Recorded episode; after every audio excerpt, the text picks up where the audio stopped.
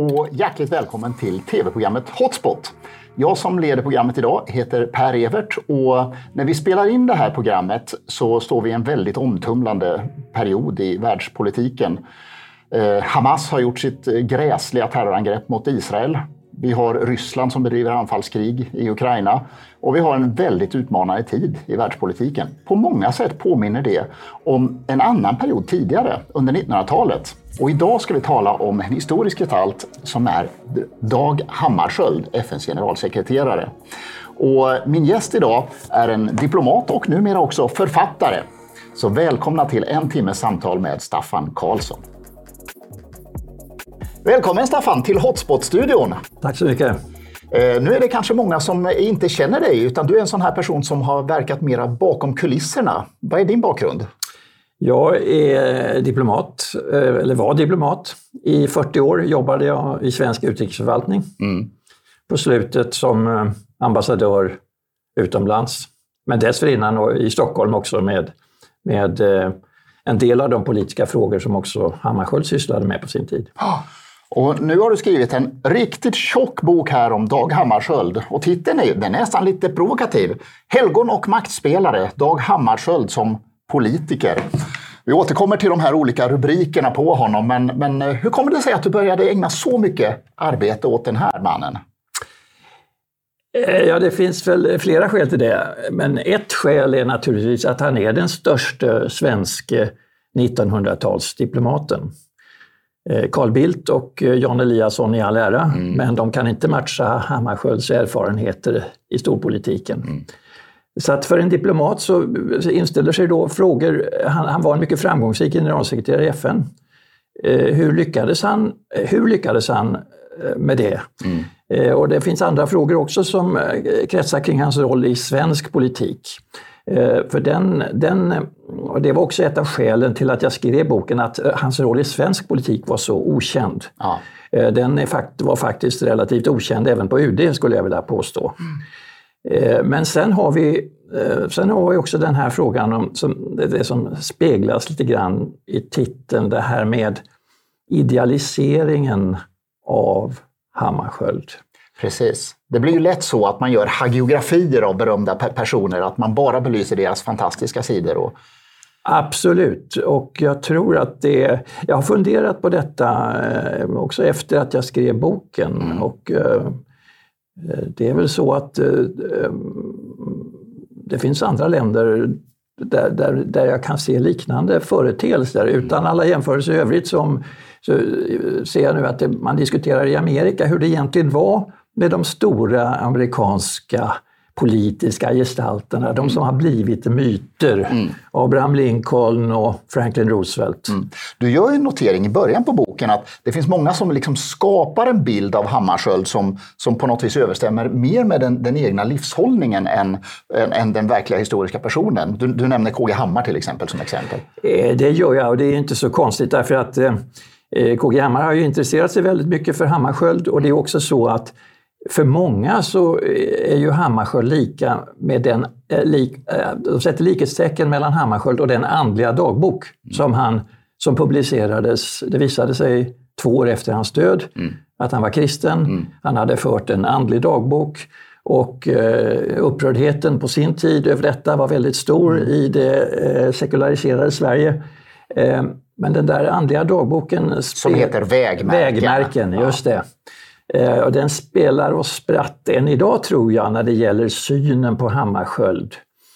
Det finns två problem eh, tycker jag med vägmärken. Ett var det då som eh, eller problem, det är en mycket intressant bok som är väl värd att mm, läsa. Mm. Men, men när den kom ut så, så var det ju en upprördhet då i det icke-kristna Sverige över att han hade varit kristen och, mm. och det här kunde har slutat riktigt illa. Ja, ja, jag, är själv... ungefär inställningen, var ja. ungefär inställningen och den vänder jag mig ju emot. Alltså den, det är ju ett missförstånd som, som är, beklämmande tycker jag.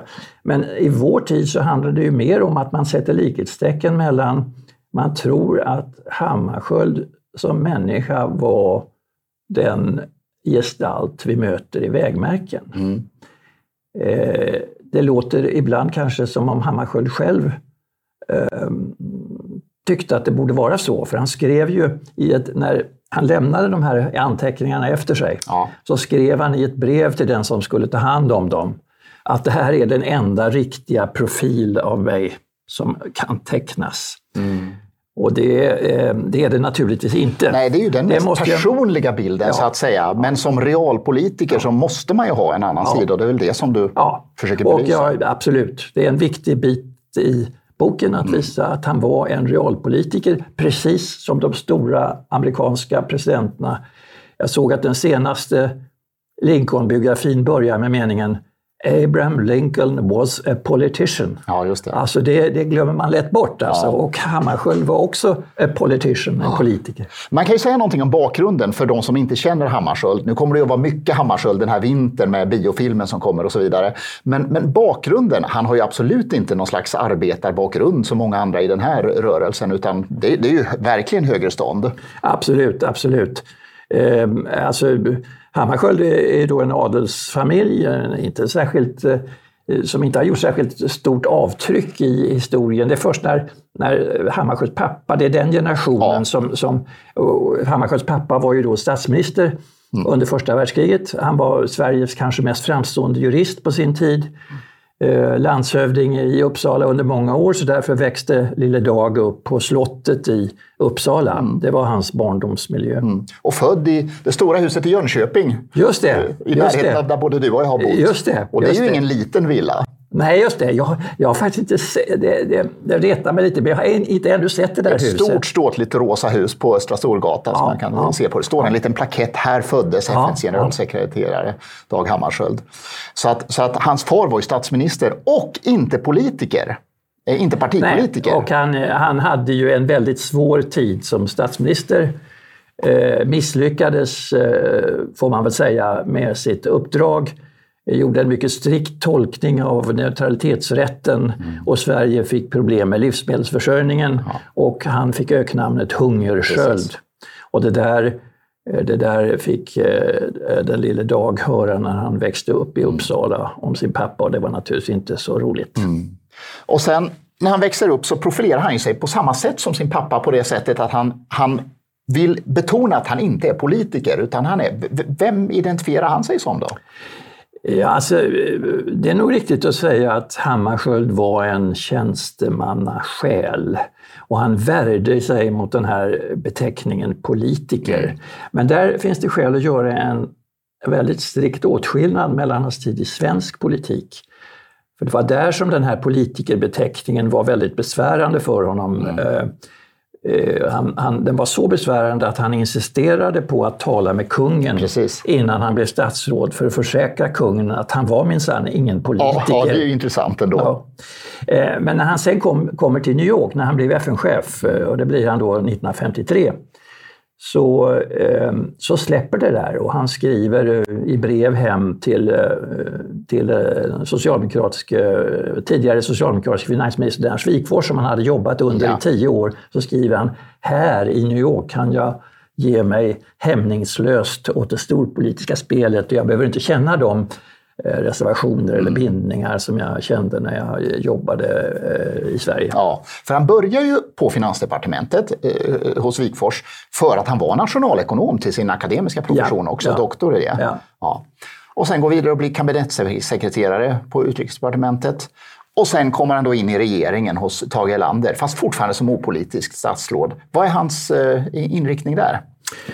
Eh, hans inriktning där, alltså eh, han, han, blev, han var först i, i UD som under flera år som finans, det hette finanssakkunnig. Han jobbade då väldigt mycket med de ekonomiska frågorna. Han var svensk chefsförhandlare i Paris när den västliga ekonomiska samarbetsorganisationen eh, som då hette OEEC blev till.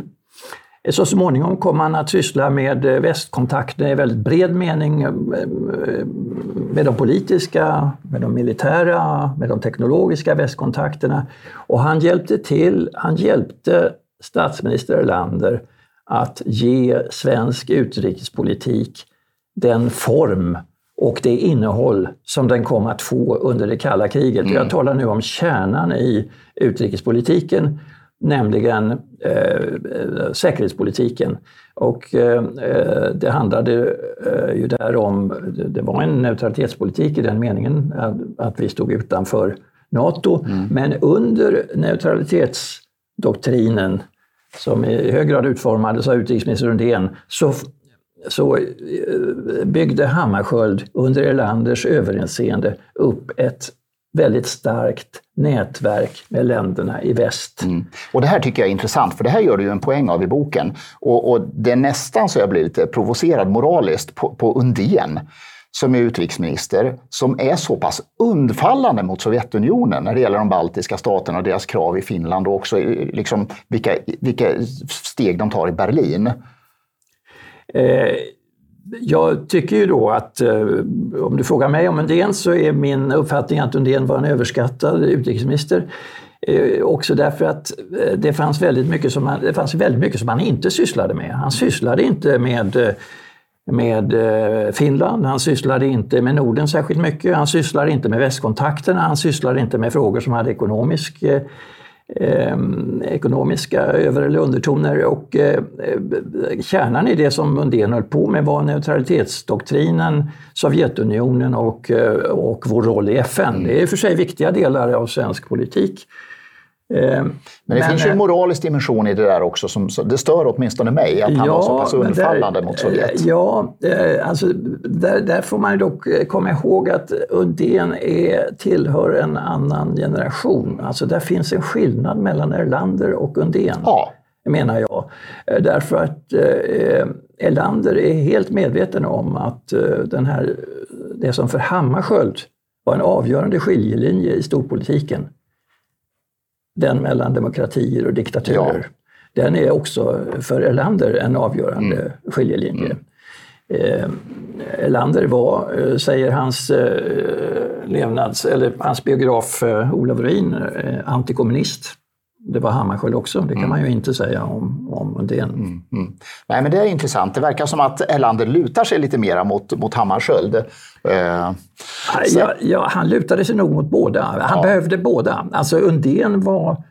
Eh, det, det, här är, det, här är, det här är intressant och det är komplicerat därför att Undén var ju, tillhörde ju en väldigt tidig generation av ledande socialdemokrater. Mm. Han var mycket äldre än vad Erlander var. Vi ska komma ihåg att Erlander vid den här tiden var en väldigt ung statsminister, ja, oprövad. Eh, och eh, eh han behövde Undén eh, för sin ställning. Han, han, ville, han ville hela tiden behålla Undén som utrikesminister. Men han hade samtidigt ett behov av att bygga upp en realistisk utrikespolitik ja. med förankring i väst. Och det var Hammarskjöld som gjorde det jobbet ja. åt honom. Sen är det ett datum, 1948, den 23 februari, som på något vis påminner om det som hände 24 februari 2022. Nämligen att dåvarande Sovjet och nuvarande Ryssland flyttar fram positionen och bestämmer sig för att ta över makten i ett grannland. Det känns som att det finns en del likheter med den tiden och vår tid. Ja, ska, det gör det. Men man ska nu inte överdriva det. Jag tycker du drar det lite för långt. Mm. Eh, alltså vad som hände eh, för 2022 var ju ett, eh, ett, ett anfall mot en, mot en grannstat. Mm. Brutalt Eh, Eh, och ehm, utan förskoning. Eh, vad som händer eh, den 23 februari 1948 är ju att eh, det är riktigt att Moskva då flyttar fram positionerna i förhållande till Finland. Men det handlar ju då om ja, att... Prag. Ja, och Prag naturligtvis, just det. Mm. Prag. Eh, men Prag är ju, är ju mer komplicerat. Där handlar det ju om ett, ett, där att de inhemska kommunisterna med uppbackning från Moskva sopar ut andra partier och, eh, och kommunisterna skapar en diktatur, ja. av det, gör en diktatur ja. av det som var en, en, en tjeckoslovakisk eh, demokrati. Ja. Och där Tjeckoslovakien var det enda land faktiskt som hade en, en stark demokratisk tradition i, i Centraleuropa. Mm, mm. Och den försvinner, den, den, eh, den, demokratin går i graven då, ja. 48. Och den moraliska frågan, det är det jag menar, att i båda fallen så uppstår den moraliska frågan, hur ska vi förhålla oss till den här imperialistiska makten som ju Sovjet faktiskt var och som Ryssland har blivit i våra ja, dagar också? Och det, fanns, det fanns ju en rädsla för vad Stalin skulle ta sig till 1948. Mm. Och det är ju den rädslan som leder då till att Nato upprättas så småningom ja. i början av 49. Och det var intressant att läsa också om den här, de här dokumenten och den överenskommelse som man gjorde när man orienterade sig åt väst under Hammarskjölds eh, överinseende och Erlanders då bland annat. Eh, och då skriver du att det finns både en offentlig del och en hemlig del. Och det är ju spännande, eh, som, som vi som inte är diplomater inte har insikt till. Jag vet inte var du har hittat källmaterial till det här? Och... Ja, alltså, vad, jag, vad jag syftar på då är ju hur det var vid den här tiden. Ja. Det fanns en synlig del som var synlig för medborgarna och så fanns det en osynlig del som var osynlig för medborgarna. Och till och, med för en del i regeringen. Och till och med för en del i regeringen och som man inte pratade om därför att det var ju känsliga saker det här. Eh, det, det är naturligtvis så att varje ansvarsfull svensk regering i det läge som vi befann oss då, 1948-49, måste ju tänka efter hur vi har vår neutralitetsdoktrin mm. Och Hammarskjöld var väldigt klar över för sin del att den hade med Finland att göra. Vi kunde inte röra oss västerut för att skulle sätta finnarna i klistret. Ja, ja. Då hamnar Finland precis som nu i en nyckelposition. Ja, ja absolut. Och, eh, och, eh, så, så att detta, eh, så, så är det då med den där neutralitetsdoktrinen. Men samtidigt så måste vi måste ju regeringen också ta ansvar för vad händer om vi inte lyckas mm. med att upprätthålla den här neutraliteten. Man måste ha en plan ja. för att försvara landet. Mm. Om eh, man skulle hamna i ett läge där, där Sovjetunionen eh, försöker ge sig på mm. eh, de eh, mm. nordiska länderna. Mm. Ungefär som nu, fast, fast annorlunda naturligtvis. Ja. Ja. Eh, och, och, rent skarpt läge blir det ju sommaren 1952 när två plan skjuts ner, det ena tar ett tag innan man listar ut om det faktiskt har skjutits ner DC-3 och sen kommer Catalina-planet därefter. Eh, och där har du, precis som jag har gjort, studerat eh, Tage Landers dagböcker. Och, och, det är ju väldigt intressant att följa det där dramat. Ja. Och Hammarskjöld spelar ju någon slags nyckelroll där också, för Undén är på semester ja, och inte hemma. Undén är på semester. Och det tycker inte Erlander om. Nej. Och där, just för, om man, när man tittar på det här förhållandet Erlander, Undén, Hammarskjöld så är ju den här, den här eh, dagarna i juni 1952 ja. är väldigt intressanta. Ja. Därför att eh, alltså Undén var i det här läget en trygghetsfaktor på något sätt för den unga Erlander. Han ville ha hem Undén.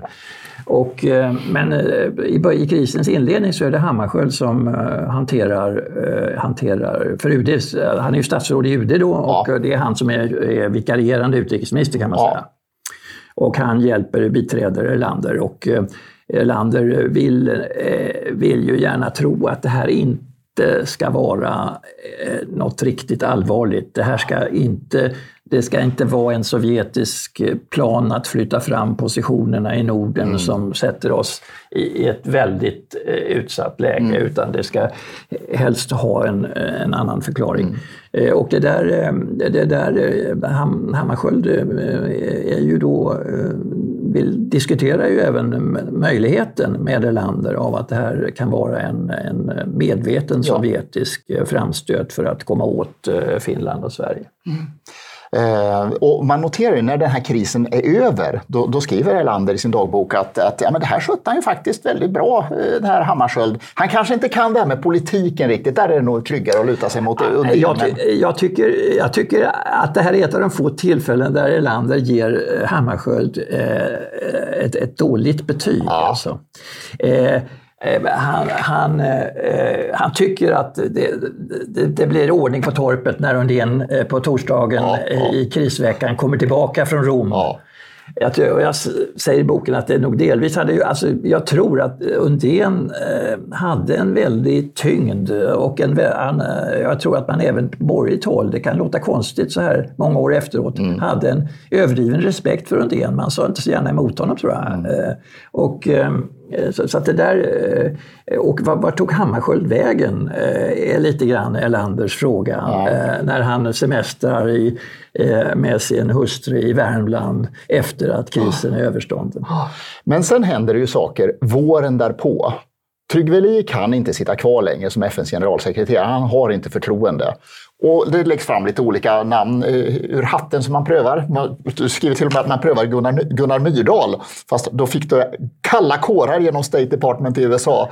Det hade nog varit ett lite väl drastiskt beslut också. Eh, jag kan säga det här, Gunnar Myrdals namn var uppe till diskussion. Det var inte då, utan det var, lite, det var tidigare. Det var några år dessförinnan. Ja när, när den här frågan... Och då, eh, då, det var då som man i, i amerikanska State Department eh, ja. tyckte att det här var väl ändå att gå för långt. Ja, det var, det var kanske lite väl eh, diplomatiskt drastiskt. Men varför föreslås Dag Hammarskjöld, denne minister från lilla Sverige?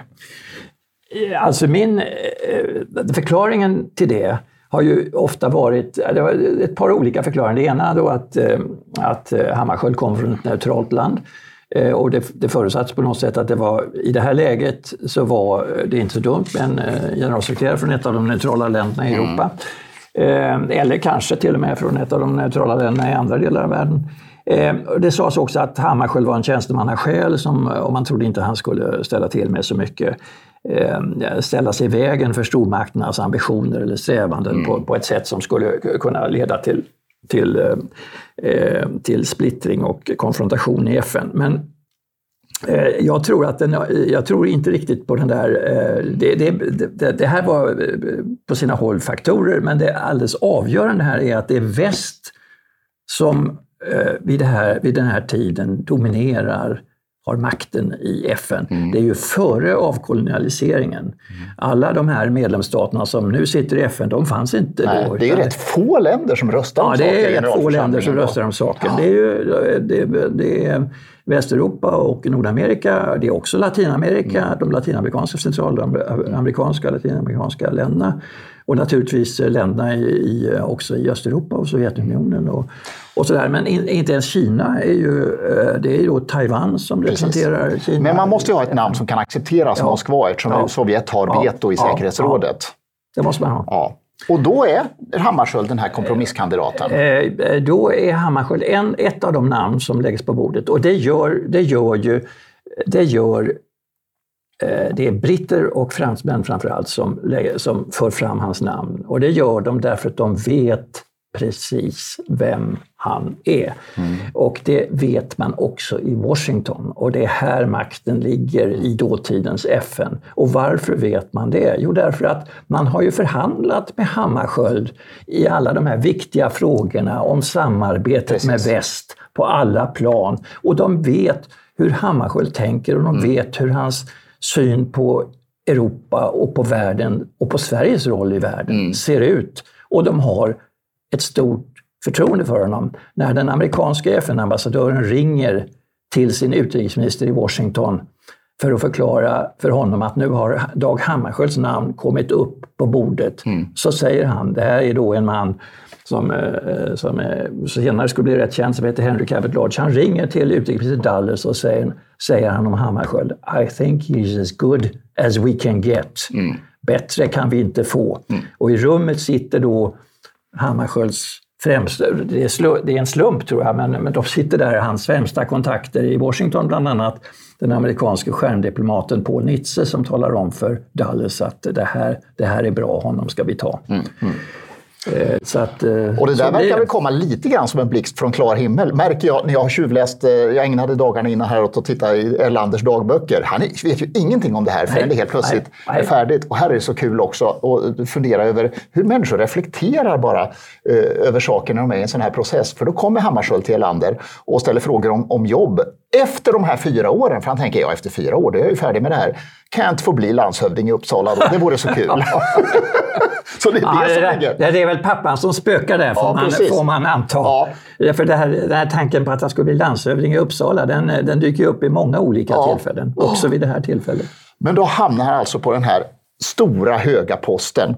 Eh, och bakom kulisserna så är det andra personer också som förekommer. Och jag tänkte, du skriver en del om Sverker Åström. Jag tycker han är intressant. För I min forskning om svensk 1900-talspolitik så är det två gestalter som hela tiden är bakom kulisserna och aldrig syns nästan. På 70 och 80-talet är det Ebbe Carlsson.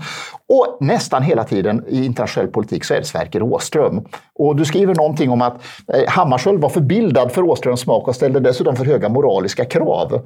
Har du någon bild av Sverker Åström? Ja, alltså Sverker Åström var en mycket framträdande diplomat. Alltså. Han var en mycket skicklig diplomat. Han, han, eh, och han spelade ju en roll i svensk utrikesförvaltning eh, eh, från, från andra världskrigets slut och mm. framåt. Och det som är nytt i min bok tror jag är det här att det visar sig när Hammarskjöld blir stats, ska bli statsråd 1950, slutet av 1950, så går Hammarskjöld till utrikesminister Undén och så frågar han om jag tar det här jobbet då som statsråd, vem mm. tänker du ge mitt, mitt jobb till, vem tänker du ge mitt jobb till mm. då? Och då säger, då säger Undén att ja, det kanske förvånar dig, jag har tänkt på Åström. Mm. Det här är ju väldigt överraskande eftersom Åström vid det här laget bara var 34 år. Alltså. Och, mm. Eh, Hammarskjöld eh, vänder sig bestämt emot tanken, säger till eh, Undén att han tycker inte det är en bra idé att mm. göra Åström till kabinettssekreterare. Eh, bland annat därför att han är väldigt ung. Det skulle ha varit en revolution på UD att få en 34 eller 35-årig mm. general, äh, kabinettssekreterare. Ja. Eh, sen gör du en intressant linje där du drar in ut den här linjen Erlander Hammarskjöld via ja, Ingvar Carlsson, Göran Persson, Stefan Löfven.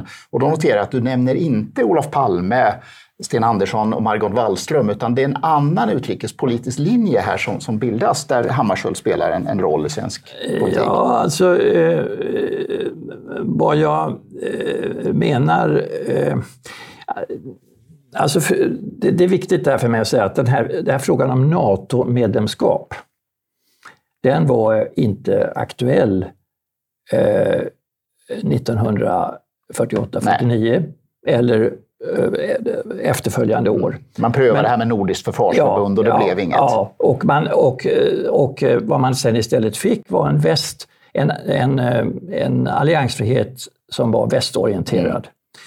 Mm. Eh, och NATO-medlemskap var inte aktuellt och Hammarskjöld stod bakom den linjen. Men men eh, jag har ju hittat då dokument som visar hur Hammarskjöld tänkte kring NATO-frågan. Mm. Men det är vad han tänkte, inte vad han sa. Ja, det vill säga han, han gick in på de här frågorna i slutna sammanhang där mm. ingenting... Och där, och där, där var det så att han tyckte då att han såg framför sig att om Sovjetunionen satte Sverige under tryck på allvar så skulle detta tvinga oss att närma oss Nato. Mm, mm. Så långt gick han när han tänkte mm, mm. högt på sin Nej, men Jag tolkar det mer som en pragmatisk utrikespolitisk ja, linje än, ja, än de som är mer ja. aktivistiska. Men de här, alltså, när jag säger att eh, så, eh, politiker som Göran Persson och Stefan Löfven och eh, jag vet inte om jag lämnar, kanske lämnar Ingvar Carlsson i det sammanhanget också. De, de är, de, de är Eh, det är samma syn på behovet av ett nära samarbete med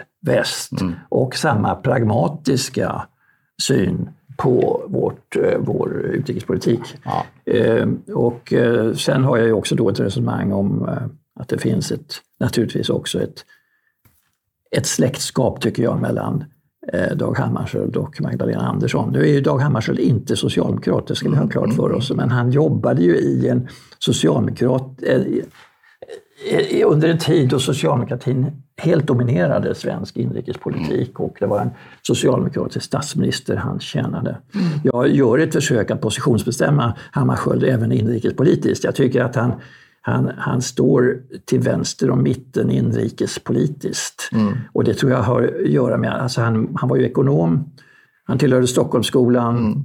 Men han, jobbar väldigt nära Wigforss. Ja, ja, och han, han hade, eh, hans generation, den, den, den, den viktigaste erfarenheten var depressionen och um, att staten kunde spela en roll för att underlätta för medborgarna när Eh, det ekonomiska läget var som sämst. Mm. Det, var, det var någonting som Hammarskjöld hade sett och upplevt. Jag tror det hade betydelse för hans syn på just på den ekonomiska politiken. Då blir han då FNs generalsekreterare och hamnar i en rad olika internationella kriser under 50-talet. Eh, av vilka tittarna kanske inte känner till så, så, många eller så noga. Vilka tycker du är den viktigaste där han gör en insats under 50-talet? Hans mästerstycket eh, för Hammarskjölds del. Alltså jag går igenom framförallt tre kriser där i rätt stor detalj. Eh, och mästerstycket här är hans eh, Suezkrisen 1956. Mm där FN upprättar sin första militära fredsbevarande styrka. Och då ska man ha klart för sig en sak som, som är väldigt viktig och som, som nästan alltid missas. Suezkrisen handlade ju om ett eh, anfallskrig mot eh, Egypten mm. som sattes igång av Israel, Storbritannien och Frankrike. Eh, och detta, detta gjorde amerikanerna mycket upprörda. Framförallt delvis därför att de inte visste, de, de höll, britter och fransmän höll detta hemligt för amerikanerna, som ju var storebror i det västliga lägret. Medan, därför Egypten hade tagit över Suezkanalen? Ja, precis. Ja. Egypten hade nationaliserat Suezkanalen och det var detta som utlöste den här brittiska och franska reaktionen. Mm. Eh, och eh, amerikanerna vill, de vill, de vill sätta stopp för det här. Alltså. Mm. Och de, de använder ju också sina, den makt de själva har. De, de, de, vrider, de drar åt penningkranen så att eh, brittisk ekonomi, som ju var skakig efter andra världskriget, får inte det understöd den behöver och eh, de skulle inte ha kunnat...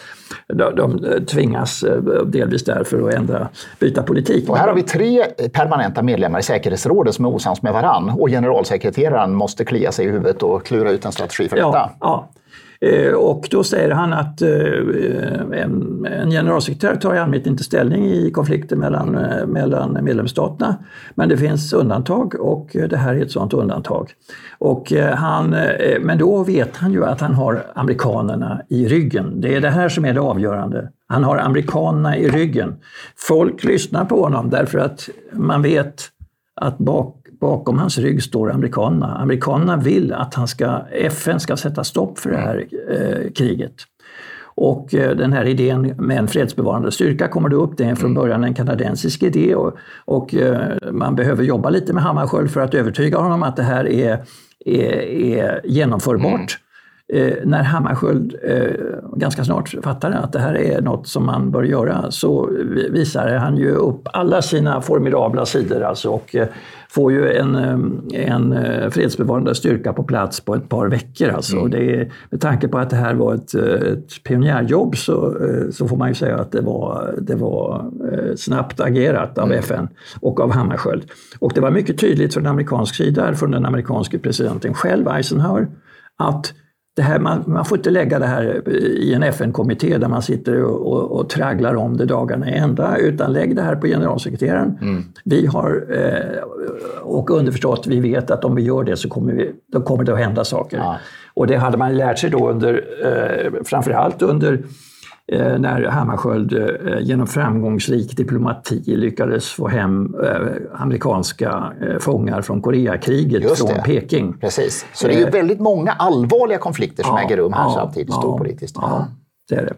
Och sen så kommer naturligtvis den allra svåraste konflikten som jag skriver utförligt om och som är, som är nämligen Kongo. Ja, för då glider vi ju över i det ja. som, som mycket av diskussionen förstår jag i den här biofilmen handlar om också. Och för många tittare är det kanske oklart. Vad handlar den här konflikten i Kongo egentligen om? Eh, den, den, handlar om, det här, eh, Kongo eh, hade ju varit en belgisk koloni mm. och skulle nu få sin självständighet. Men var otill, helt otillräckligt förberett på denna självständighet mm. av kolonialmakten och hade ju egentligen inte förutsättningar att, att klara den här självständigheten och upprätthålla ordningen. Och det utbyter med samma när, när självständigheten, eh, man firar självständigheten, eh, den inträder 1 juli 1960, men eh, det blir tämligen omgående kaos i mm. landet. Och två provinser försöker omedelbart bryta sig ut. Ja, och den viktigaste av dem är Katanga. Då. Katanga är det ekonomiska navet i Kongo, eller var det ekonomiska navet i Kongo med stora mineralrikedomar. Mm. Och eh, hela den kongolesiska statsbildningen eh, som den då såg ut, eh, dess framtid står på spel. Och, eh, och eh, det finns en, eh, en belgisk befolkning, framförallt en vit befolkning i Kongo som känner sig hotad av den, den oreda och den Eh, och också är rädd för militära övergrepp från den, eh, från de, eh, den kongolesiska krigsmaktens sida. Mm. Och Sovjet vill in och ha inflytande ja, ja, och alla stormakterna ja, vill in här. Och FNs generalsekreterare måste in och försöka göra en insats här. Hur lätt eller svårt är detta? Det måste han. Ja, hur, hur lätt eller svårt? Alltså, kanske först säga att han, han måste det därför att Eh, han har jobbat med de här frågorna, avkolonialisering. Hammarskjöld såg ju att FN skulle inte längre förbli ett västdominerat FN utan det skulle komma, det var en, en våg av nya medlemsstater, bland annat Kongo var på mm. väg in och det här skulle helt förändra karaktären. Mm. Han ville att FN skulle stå fadder Eh, Eh, lite grann stå fadder för de nya medlemsstaterna. Och eh, att då eh, säga när det strulade på allvar i Kongo säga att det här ska FN inte ha med att göra, det skulle ha varit en omöjlighet för, för Hammarskjöld. Och det, var ett, det fanns ett amerikanskt tryck på Hammarskjöld här också, att FN skulle ställa upp. Eisenhower ville inte skicka amerikansk militär in i Kongo. Mm. Utan eh, det här skulle FN ta hand om, precis som i Suezkrisen. Oh. Och det är alltså frågan, hur svårt är det här? Ja, det här var det svåraste som Hammarskjöld någonsin företog sig. Mm. Och det blev också ett partiellt misslyckande, bara partiellt, men det, man får ändå mm. säga att partiellt så blev det ett mm. misslyckande. Och, och han gjorde väldigt många Eh, han gjorde ganska många misstag i hanteringen av den här krisen. Det är lätt att, naturligtvis att säga det så här 60 ja, år efteråt. Och samtidigt är det förklarligt också för att Kongokrisen pågår ju fortfarande. Ja, det, det är stridigheter, ja, det är många ja, människor som dör i de här krigen. Det och det är svårt att, att förstå för oss som inte Kongo som statsbildning har aldrig blivit riktigt uh, stabil. Men sen hände ju det här olyckliga då att flygplanet ramlar ner på vägen till Ndola i Zambia. Och du går igenom det väldigt, väldigt kort i själva huvuddelen av kapitlet och sen går du igenom det lite noggrannare i slutet. Men vill du bara säga någonting om vad du, vad du tror hände? Ja, jag vet inte vad som hände. Nej. Eh, jag vet inte om det här var en olycka som det hävdades eh, eller om det kan ha varit sabotage mot Hammarskjölds plan. Det är ju, eh, det är ju först på senare år som den här sabotageteorin har fått luft under vingarna. Mm. Vad jag framförallt ville göra med mitt kapitel om, Endola, om kraschen i Endola, det, Endola var den, den plats i nuvarande Zambia där planet störtade, mm. var att sopa undan några av eh, de eh, mest ögonfallande konspirationsteorierna. Att man från amerikansk eller brittisk sida skulle ha varit ute efter Hammarskjöld. Det mm. faller, menar jag, på sin egen orimlighet. Mm. Och eh, däremot så, eh, så vet jag inte eh, hur det var. Alltså det här pågick ju ett krig mellan Katanga och FN, alltså den här utbytarstaten Katanga mm. och stödd Eh, eller halvt stödd av Belgien, Storbritannien eh, och Frankrike hade också ett finger med i den där smeten. Ehm, men eh, vad de här ekonomiska intressena som, som fanns i Katanga och vad de rasistregimerna som då dominerade södra mm. Afrika och som hade band, väldigt tydliga band till Katanga. Vad de höll på med här, det, det vet jag inte och jag har inte... Jag, jag gardera mig där för att säga att jag, jag vet helt Nej. enkelt inte. Och det är nog en riktig slutsats. Vi ska inte spekulera mer än vad vi eh, har fog för.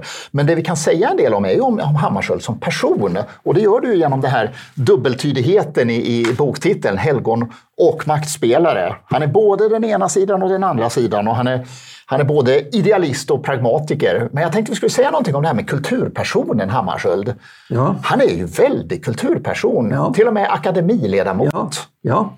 och eh, det otroliga tycker jag är att han ägnar, orkar, mitt under brinnande Kongokris, ägna ganska mycket tid åt sitt medlemskap i Svenska mm. Akademin. Ja. Han sitter på distans där och matchar fram en nobelpristagare i litteratur. Ja. Nämligen den franske poeten Saint-Jean Pers ja. Eh, som får priset just den här hösten 1960 när Kongokrisen härjar som värst och när Hammarskjöld sitter vid generalförsamlingen. Det som, det som väl de som har sett någonting av Hammarskjöld på tv eller på film, det, det de har sett är när, när i allmänhet där general, generalsekreteraren sitter på podiet i generalförsamlingen och den sovjetiska ledaren Chrusjtjov sitter i bänken och bankar ja, med nävarna och skäller på Hammarskjöld och vill, vill montera ner hela generalsekreterarämbetet. Mm. Var Hammarskjöld samtidigt, han, han, eh, han, han eh, försvarar sig med kraft och eh, polemisk eh, spets mot eh, eh Chrusjtjov.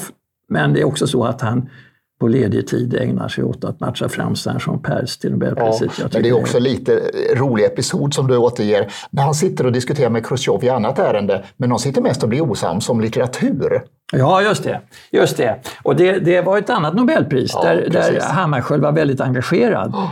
Alltså det här är de två Nobelprisen där han verkligen eh, drev en, en linje i, i akademin. Oh. Och det, är den Sovjet, eh, det var 58 års pris och det var den sovjetiske eh, eh,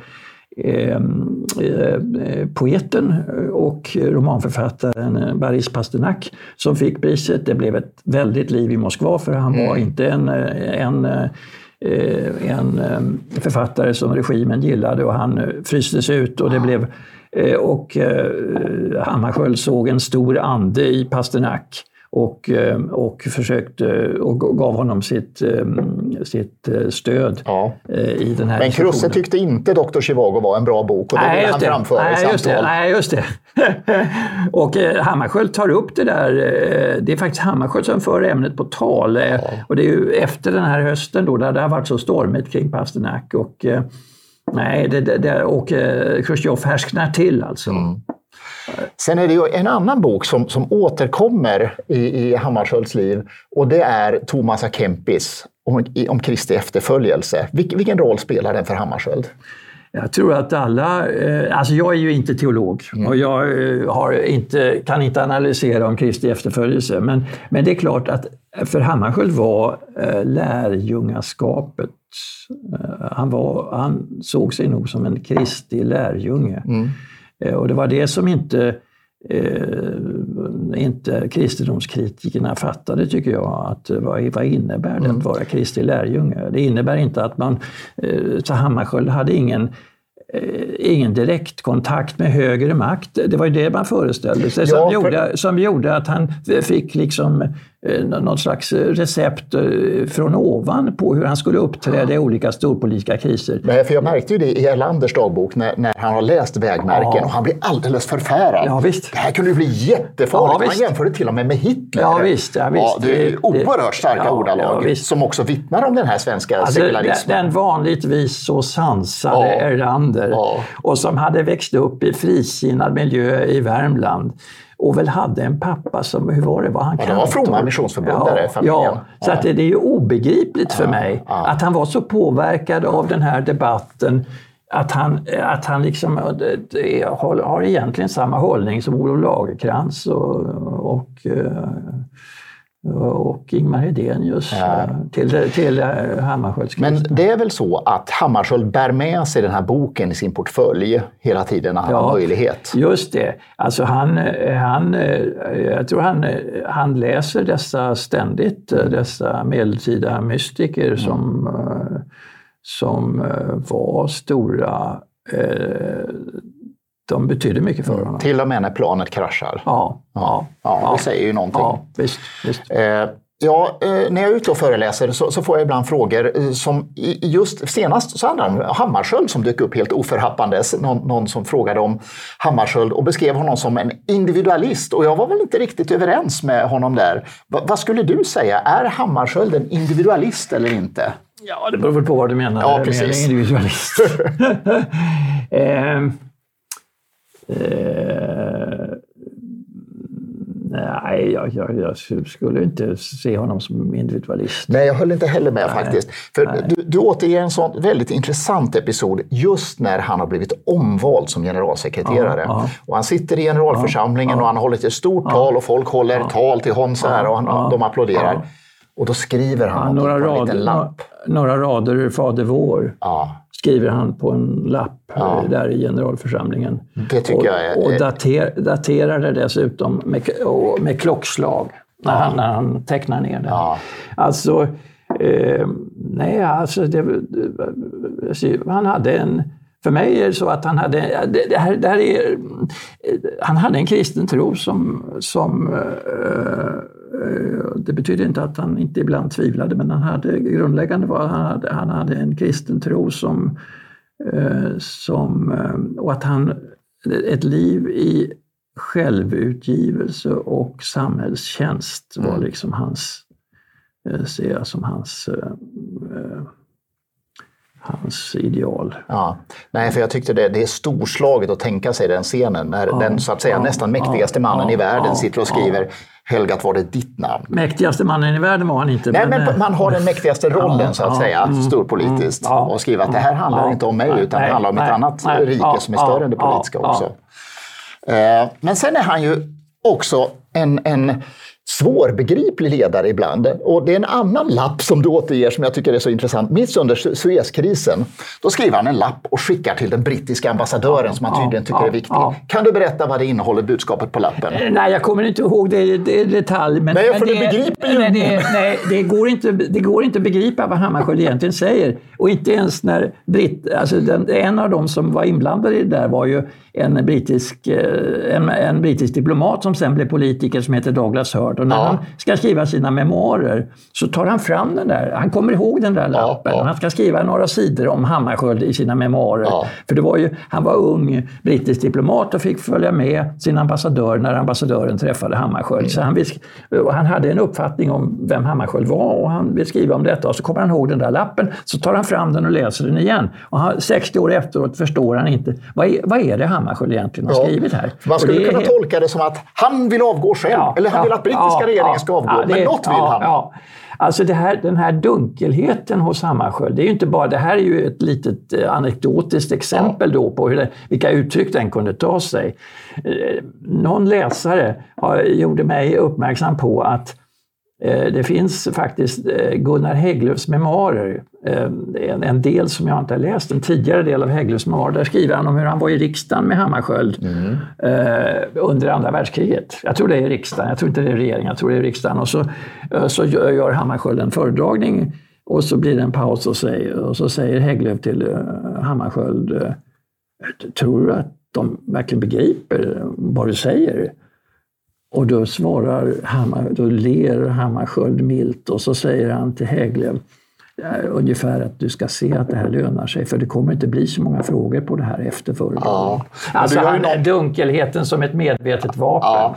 Ja, men du gör ju också någon notering att i och med att han är den här kulturpersonen så, så, så undrar du om, om förstod de alla ministrarna i regeringen? Ja. Kunde de föra den här typen av kulturella samtal med Nej. honom? Alltså regeringen hade ju flera som var, alltså en som absolut eh, var, som Hammarskjöld absolut såg som sin jämlike eh, och sin eh, var Ernst Wigforss. Mm.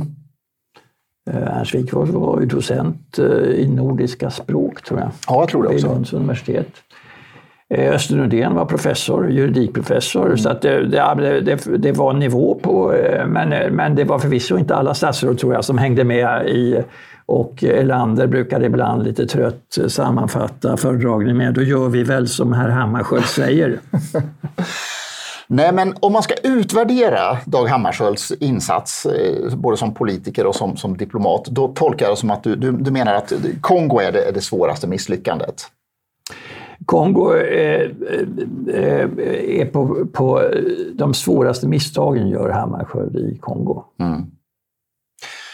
Och Du beskriver honom också som att han är ju inte en social man, Nej. utan han är lite mer inbunden. Ja. Och är det en styrka eller en svaghet i den roll som han hade? Mm, det där kan man fundera på. Alltså, eh, eh, småprat var inte Hammarskjölds, eh, men han hade ett väldigt eh, ett arbetslag runt omkring sig med vilket han var väldigt sammansvetsad, men det var en ganska liten, eh, liten grupp. Hans förmåga att skärma av och att uh, fokusera på de stora problemen var ju på många, många sätt en tillgång. Mm.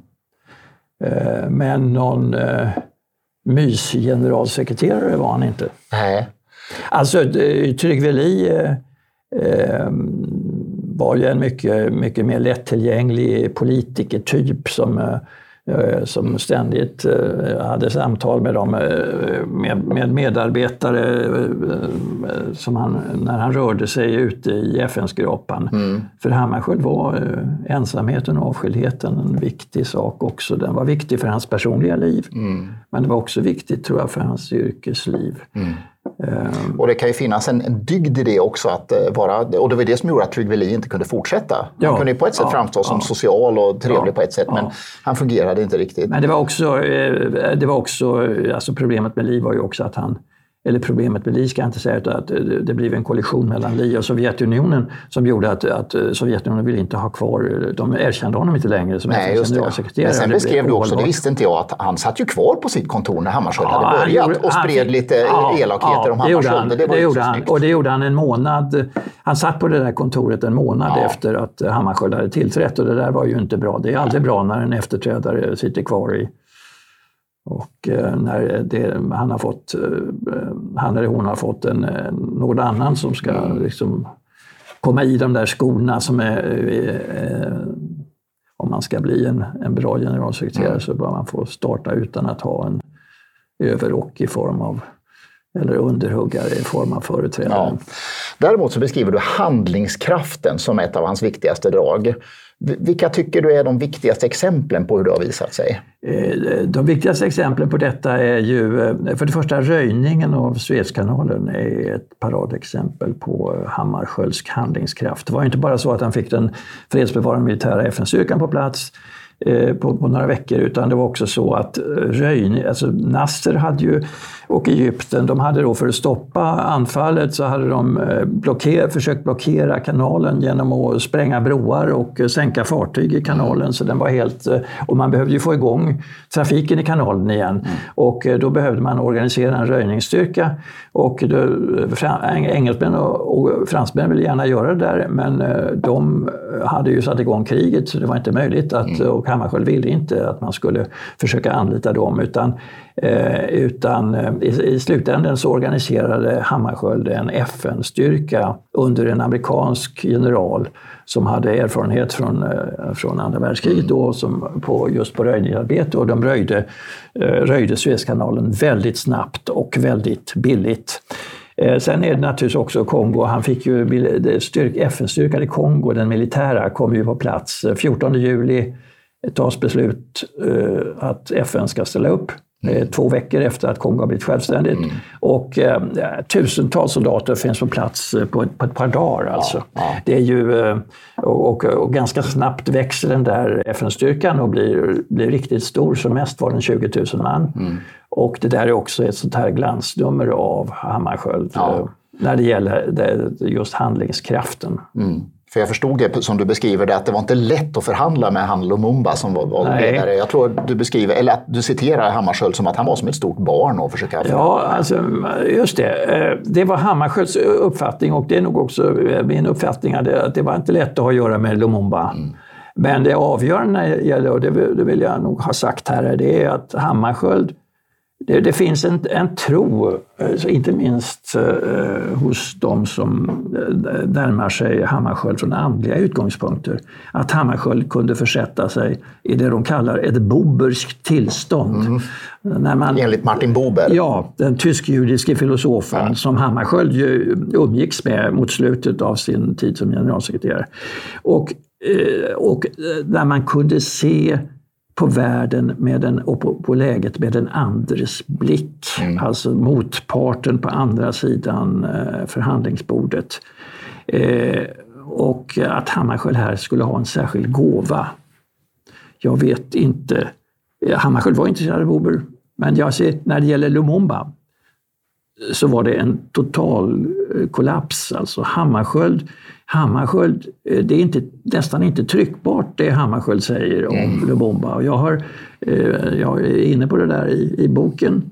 Han säger till exempel, amerikanerna säger att Hammarskjöld säger att vi ska visa vilket slags människa Lumumba är. Mm. Då är man mycket långt från vägmärken kan jag säga. Mm. Och, och det här är, det här är där, där riktar jag vad jag menar är befogad kritik mot Hammarskjöld. Inte därför att det skulle, det är inte så att det skulle varit lätt att få en fungerande relation med Lumumba, men han var Kongos första premiärminister, hade framgått ur allmänna val och man kan som FNs generalsekreterare och med ett uppdrag då att få FN då och eh, återupprätta stabiliteten i Kongo så kan man inte eh, bara nonchalera Kongos premiärminister. Man måste åtminstone försöka det skulle nog Bober också ha tyckt. Ja. Etablera en fungerande relation till denne regeringschef. Men det är, ju, det är ju fint att du på något vis ger en realistisk bild av Hammarskjöld som person och som ledare och inte bara gör en hagiografi. Och det är ju ett habilt arbete som, jag menar, du är ju diplomat i grunden men här gör du ju ett habilt historikerarbete och det uppskattas ju. Eh, men, men, man kan ju fråga, vad har förändrats i din egen bild av Hammarskjöld sedan du började göra den här studien? Eh Ja, jag, jag, ser, jag ser ju tydligare vem han var, tycker jag. Eh, jag ser tydligare hans... Mm, han, han hade en syn på, eh, på världen, han hade en syn på FN och på FNs roll och vad, vad han skulle kunna uträtta som generalsekreterare, men han var också en resultatpolitiker. Eh, principer var bra, men i värsta fall fick man tänja på de där principerna ibland. Mm. Man fick inte, säga, han gjorde inte som pappan, det vill säga höll på principerna och, och neutralitetsrätten till varje pris. Det, det, går som en röd tråd mm. genom, det gällde hans roll i svensk politik och det här västliga samarbetet, eh, det gällde hans roll i FN. Eh, också den här, alltså eh, att, att eh, han eh, sysslade väldigt mycket, det, hela förutsättningen för hans, eh, hans insatser, både i svensk politik och som FNs generalsekreterare, var ett långtgående samarbete med väst. Mm. Um, och det, det, var naturligt. Man skulle, ingen generalsekreterare på FN, i FN på 1950-talet när väst politiskt, var politiskt dominerande mm. i FN skulle ha kunnat åstadkomma någonting utan ett samarbete framförallt med USA. Ja. Och det, var ju det, och det ligger ju också en moralisk ja, dimension ja, i det, att inte samarbeta för nära med diktaturerna. Absolut. Eh, du försöker hålla dig nyanserad, sådär, men du ger ju ändå ett tydligt omdöme när du kallar Hammarskjöld, han är den bästa generalsekreterare som FN har haft. Varför är han det? Av det skälet att han hade en väldigt klar uppfattning om när han tillträdde om han, vad han ville eh, göra av sitt generalsekreterarskap. Han såg till, eh, han var eh, också, kunde också tänka organisatoriskt och budgetmässigt. Han kunde skaffa sig de instrument han behövde mm. och han etablerade det samarbete med stormakterna som han behövde för att kunna spela den, den rollen. Eh, och han gjorde en... Eh, alltså där, där är det viktigt också att, förstå den här skillnaden mellan Hammarskjöld som människa och hans syn på Europa och på världen. Han var starkt antikommunistisk. Mm. Eh, vi har ett särskilt kapitel då där jag försöker visa det. Eh, men det var också så att han insåg ju självklart att han som generalsekreterare Sam, det, det, det, han hade ju det här utvecklade samarbetet med USA, men han, han behövde ju också ha ett fungerande förhållande till Sovjetunionen. Mm.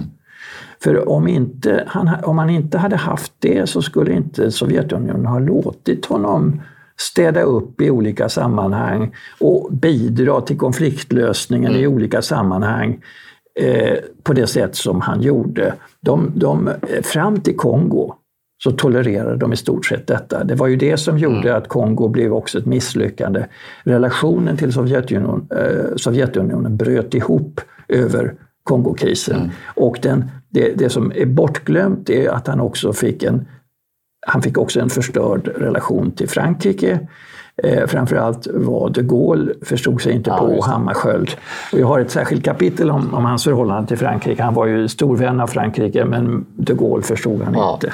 Jag försöker hitta något citat från vägmärken som du, du använder i boken som en slags summering. Och det som jag hittade, som jag tyckte, du, vi har varit inne på att han var ju en ensamvarg på många sätt och, och arbetade mycket i ensamhet. Och då hade han eh, skrev han, be att din ensamhet blir sporren att finna något att leva för, stort nog att dö för. Mm. Jag tycker det, det kanske fångar hans uppdrag. Vi har lärt oss mycket. Jag har lärt mig mycket genom att läsa din bok och jag hoppas att du som har tittat på programmet också har lärt dig en hel del om svenskt 1900-tal, om världen och om Dag Hammarskjöld. Så tack jättemycket Staffan Karlsson för det här samtalet. Tack ska du ha. Och tack till dig som har tittat. Välkommen åter.